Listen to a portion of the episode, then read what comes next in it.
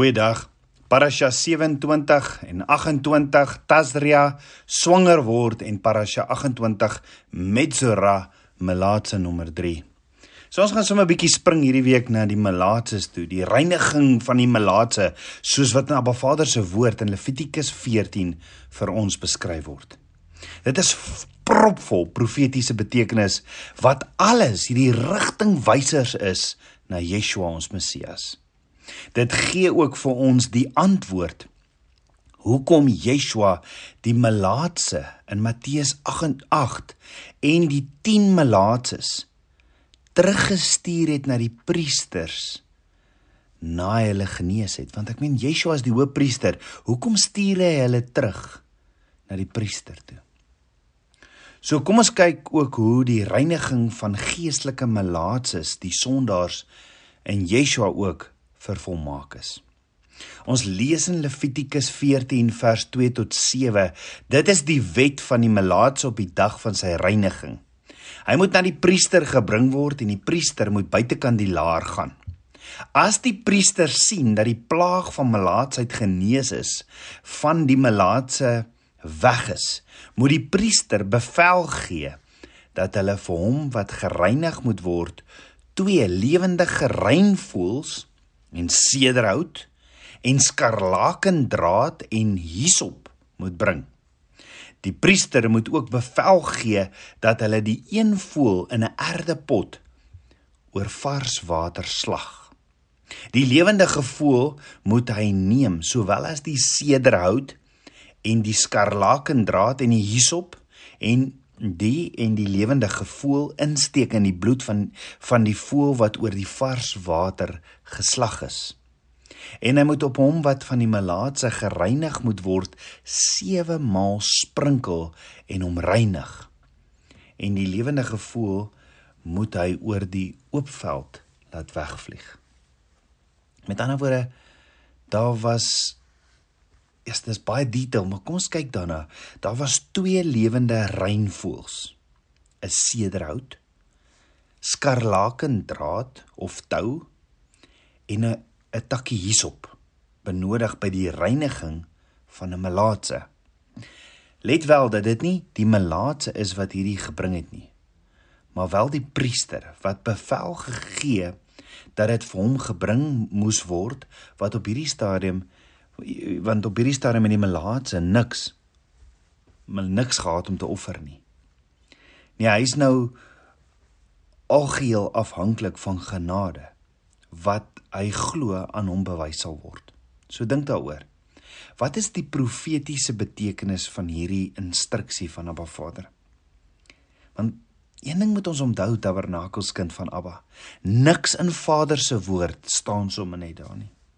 Jy sien as jy die woord oor die siekte van melaatsheid be besoek en as jy as jy die woord oor die siekte van melaatsheid praat verwys dit daarna in Hebreëus as nega en in Afrikaans as 'n plaag. Daar's net een ander plek in die hele Torah waar die woord nega voorkom. En dit is in Eksodus 11 vers 1 waar Abba Vader met Moses praat en sê nog een plaag, nega, sal ek oor Farao en oor Egipte bring. Dit was die plaag van die eersgeborene. So die prosedure van hierdie reinigingsritueel van die melaatse het vereis dat die een voël oor 'n klippot met vars water doodgemaak moes word. Waar sy bloed dan in hierdie bak water geval het. Hierdie bak of kleipot met skoon vars water in was 'n prentjie van lewende water. Want Johannes 7 vers 38 sê sê Yeshua hy wat in my glo soos die skrif sê strome van lewende water sal uit sy binneste vloei. So hierdie kleipot met water in en bloed wat daarin tap soos wat hierdie voël doodgemaak word is 'n sinnebeeld van die bloed van vergifnis en die reiniging deur die waterbad van die woord soos wat Paulus sê in Efesiërs 5 vers 26 om dit te heilig nadat hy dit gereinig het met die waterbad deur die woord. So hierna nadat die voël geslag is, hierna moes die sederhout die hisoptakkie en die lewende voël gesamentlik deur die skarlaken rooi tou aan mekaar vasgebind word en in die kleipot van bloed en water ingesteek word. Let wel die rooi skarlaken toutjie verwys na die skarlaken crimson hoom tou wat verbinding hou met die vyf vrouens in Matteus 1 in Yeshua se geslagsregister ook. En dit is alles 'n sinnebeeld van beide sonde en van die bloed van vergifnis. En Jesaja 1 vers 18 sê: "Kom nou en laat ons die saak uitmaak," sê die Here. "Al was julle sonde so skarlaken, dit sal wit word soos sneeu. Al was dit rooi soos purper, dit sal word soos wol." Dan moet die priester 7 maal hierdie waterbloed sprinkel op die melaatse om van hierdie melaatsheid gereinig te word en om rein te verklaar. Dan die lewende voël moet die priester in die oop veld loslaat. So ons weet net so het Yeshua se bloed 7 keer in Jerusalem geval vir verlossing en genesing vir ons. En die profetiese prentjie wat verder vir ons geskets word, lê verder daarin dat soos wat die priesters na die melaatse buite die kamp moes gegaan het, moes Yeshua buite die stadsmure van Jerusalem gesterf het. Yeshua het aan 'n kruis gesterf vir ons verlossing en genesing van sonde. Ons behoort daarom nie meer aan ons nie want ons is duur gekoop deur die bloed van die van van van, van die bloed van Abba Vader se lam Yeshua. 1 Petrus 1 vers 18 tot 19 sê omdat julle weet dat julle nie deur verganklike dinge silwer of goud losgekoop is uit julle ydelle lewenswandel wat deur die Vaders oorgelewer is nie maar deur die kosbare bloed van Christus soos van 'n lam sonder gebrek en vlekkeloos. Dan hierdie hisoptakkie wat saam met hierdie skarlakentou in hierdie voël vasgebind is hierdie hisoptakkie of plant wat ook aan hierdie sederhout saam met die voël vasgemaak moes word met die skarlakentou het ook genesende eienskappe besit. Wanneer 'n hisoptakkie gevry word, skei dit 'n olie en water uit. En hierdie is 'n sinnebeeld van die olie van salwing en die water van die woord wat reinig. Nou hisoptakkie in Hebreëus beteken eh, is die Hebreëse woord esof En dis presies dieselfde woord in Hebreëus wat ook by die 10de plaag gebruik is. Onthou want hulle het hulle moes mos met 'n hisoptakkie die bloed aan die deurkusyne gesmeer het. Dis dieselfde hisoptakkie waarmee hulle die bloed aan die deurkusyne gestryk het. Hoor dit weer. En dit sien ons in Eksodus 12 vers 7 en Eksodus 12 vers 22. So hoor gou-gou. Hoor wat sê Dawid in Psalm 51 vers 9. Ontsondig my met hisop dat ek kan rein wees. Was my dat ek witter kan wees as sneeu. Onthou dan staan daar ook in Johannes 19 vers 29. En daar het 'n kan vol asyn gestaan. En hulle het 'n spons met asyn gevul en op 'n hisop stingel gesit en aan Yeshua se mond gebring. En toe Yeshua die asyn geneem het, sê hy, dit is volbring en het sy hoof gebuig en die gees gegee. Let wel, Yeshua het dit geneem. Yeshua het ons bitterheid, ons rebellie teenoor Abba Vader se woord gevat. So dalk wonder jy soos ek, wat verteenwoordig dan die twee voëls? Die voëls wat waarskynlik duwe was, is beide 'n profetiese prentjie van Yeshua. Die een rein voël wat in 'n kleipot oor skoon vars water doodgemaak is en wie se bloed saam met die water 7 keer oor die melaatse gesprinkel is, verteenwoordig Yeshua as offer. En wie se bloed ons reinig en genees van ons sondeskuld. Paulus sê in Efesiërs 1:7 in hom het ons die verlossing deur sy bloed, die vergifnis van die misdade na die rykdom van sy genade. As ook in 1 Johannes 1:7 staan, maar as ons in die lig wandel, soos hy in die lig is, dan het ons gemeenskap met mekaar en die bloed van Yeshua Messie, sy seun, reinig ons van alle sonde. Die voël wat vrygelaat word is 'n sinnebeeld van Yeshua wat uit die dood uit opgestaan het en van die oorwinning wat hy betaal wat hy behaal wat behaal is en wat nou in ons die liggaam van Yeshua leef. 1 Petrus 1 vers 3 sê geseend is die God en Vader van ons Here Jesus Christus wat na sy groote barmhartigheid ons die wedergeboorte geskenk het tot 'n lewende hoop deur die opstanding van Jesus Christus uit die dode.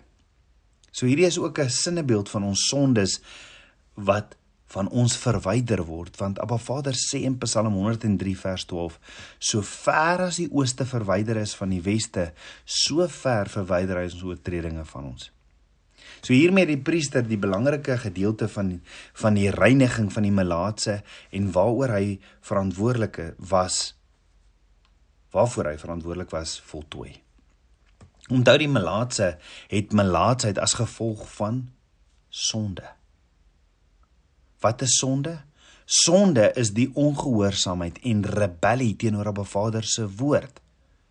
En hierdie is alles 'n sinnebeeld van dit wat Abba Vader alleen kan doen. Johannes 3 vers 16 sê want so lief het God die wêreld gehad dat hy sy enige gebore seun gegee het sodat elkeen wat in hom glo nie verlore mag gaan nie maar die ewige lewe kan hê. So toe Yeshua gesterf het was sy laaste woorde in Johannes 19 vers 30 dit is volbring. Dan die opstanding van Yeshua was die bevestiging en bewys dat Abba Vader Yeshua die gedeelte van die reiniging, redding en verlossing van die melaatse die sondaar voltooi het. Redding is alleen deur vertroue in Abba Vader se onverdiende guns. Maar nou is die spreekwoordelike bal agter in die hande egter in die hande van die melaatse die sondaar wat gereinig word. Is dit hoekom Yeshua vir die melaatse Matteus 8 en in Lukas 10 vir die 10 melaatse sê om na die priester toe te gaan? Die deel wat die melaatses moes moet doen alvorens sy reinigs uh, reinigingsproses voltooi was en hy weer in die kamp en sy huis toegelaat word, behels die volgende in Levitikus 14 vers 8 tot 9 wat sê dan moet hy wat gereinig moet word sy klere was en al sy hare afskeer en 'n bad neem, dan sal hy rein wees. En daarna kan hy in die laar kom, maar hy moet 7 dae lank buitekant sy tent bly. En op die sewende dag moet hy al sy hare afskeer, sy hoof en sy baard en sy wenkbroue, sy winkbroue. Al sy hare moet moet hy afskeer. En hy moet sy klere was en sy liggaam in die water bad. Dan sal hy rein wees verteenwoordig hierdie nie dalk alles die die aflegging en afsny van rebellie en die dood wat wat gespreek is. Is dit nie 'n teken van onge van gehoorsaamheid aan Abba Vader se instruksies vir juis almal om te sien nie? Jy sien die melaatse het nie op op 'n verhoog gaan staan en getuig nie. Nee, die melaatse het gaan doen presies wat Abba Vader sê en dit was vir almal om te sien. Dis hoekom Openbaring 12 vers 11 sê en hulle het hom oorwin deur die bloed van die lam en deur die woord van hulle getuienis en hulle het tot die dood hulle lewe nie liefgehad nie. Hulle het nie hulle het nie meer hulle eie opinies, hulle eie hierdie eie ek liefgehad nie, maar by Vader se elke woord wat hulle hele lewens in alle aspekte verander het. Die woord sê dan in Levitikus 14 vers 10 en op die 8ste dag moet hy twee lammers sonder gebrek neem en 1 jaar oud ooilam sonder gebrek en 3/10 van 'n eva fynmeel as spysoffer met olie gemeng en 1 log olie. Nou 8 in Hebreëus beteken nuwe begin. So nou kan die genesene man Abba Vader nader met 'n offer, 'n korban. Dis 'n amper soos 'n geskenk met die hulp van die priester is die een lam tesame met die logolie as 'n skuldoffer en 'n beweegoffer aan haar Vader gebring. Die priester het dan van die bloed van die skuldoffer geneem soos in Levitikus 14 vers 11 tot 14 en aan die regteroor gesmeer van hom wat gereinig word. As ook aan sy duim van sy regterhand en ook aan die groot toon van sy regtervoet. En hierdie is is simbolies van die reiniging van die sondes van dit wat uit die mond kom. Die man wat gereinig word, se verlede is nou onder die bloed. Dan het die priester van die van die olie in sy linkerhand gegiet en met sy regtervinger van die olie sewe maal voor die aangesig van Abba Vader gesprinkel, as ook van die olie bo oor die bloed aan die regteroor lel van die man wat gereinig word is daar gesmeer as ook aan die duim van sy regterhand en aan die groot toon van sy regtervoet. Dit sien ons alles in Levitikus 14 vers 15 tot 17.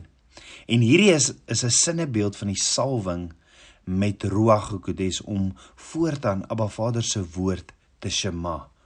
Met ander woorde om dit te heer lus nou by, hoor doen en daarvolgens te wandel. Om nie meer in rebellie te staan nie, maar om Abba Vader te shema in alles. Want het Yeshua want met Yeshua in my is ek nou in staat tot enigiets. Met die oorblywende olie is die man se hoof gesalf sodat hy Abba Vader se woord dag en nag sal oordink en hy sy vreugde daarin sal vind. Want Joshua 1 vers 8 sê hierdie wetboek mag nie uit jou mond wyk nie maar bepeins dit dag en nag sodat jy nou geset kan handel volgens alles wat daarin geskrywe staan, want dan sal jy en jou weë voorspoedig wees en dan sal jy met goeie gevolg handel. Dan is die oorblywende lam en die uh ooilam as sondeoffer en brandoffer onderskeidelik saam met die spysoffer gebring Levitikus 14 vers 19 tot 20.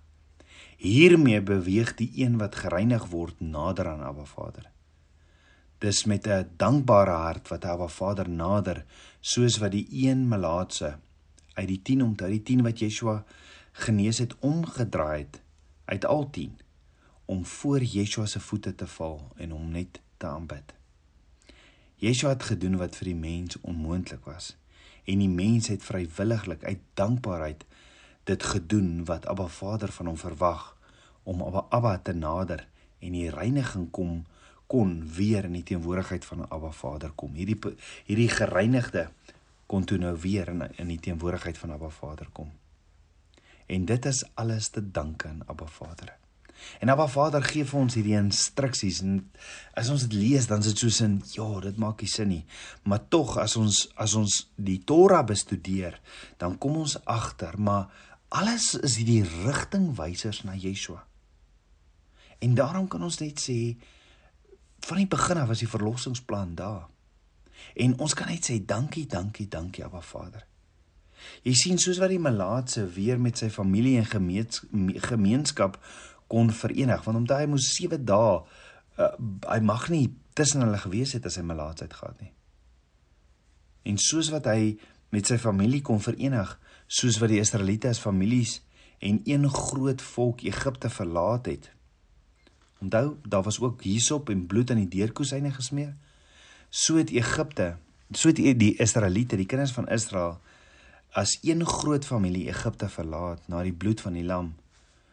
So wil ons as bruid van Yeshua na die bloed van die lam, as die bruid van Yeshua vlekkeloos in eenheid wandel saam met Abba Vader in intimiteit. En daarom roep die bruid in die gees: Kom Yeshua, kom.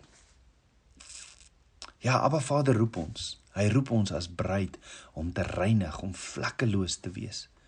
En om daardie rebellie, hierdie melaatsheid is as gevolg van sonde en rebellie in ons. En Abba Vader roep ons om rein te kom van dit, om hom waarlik te shema in elke detail.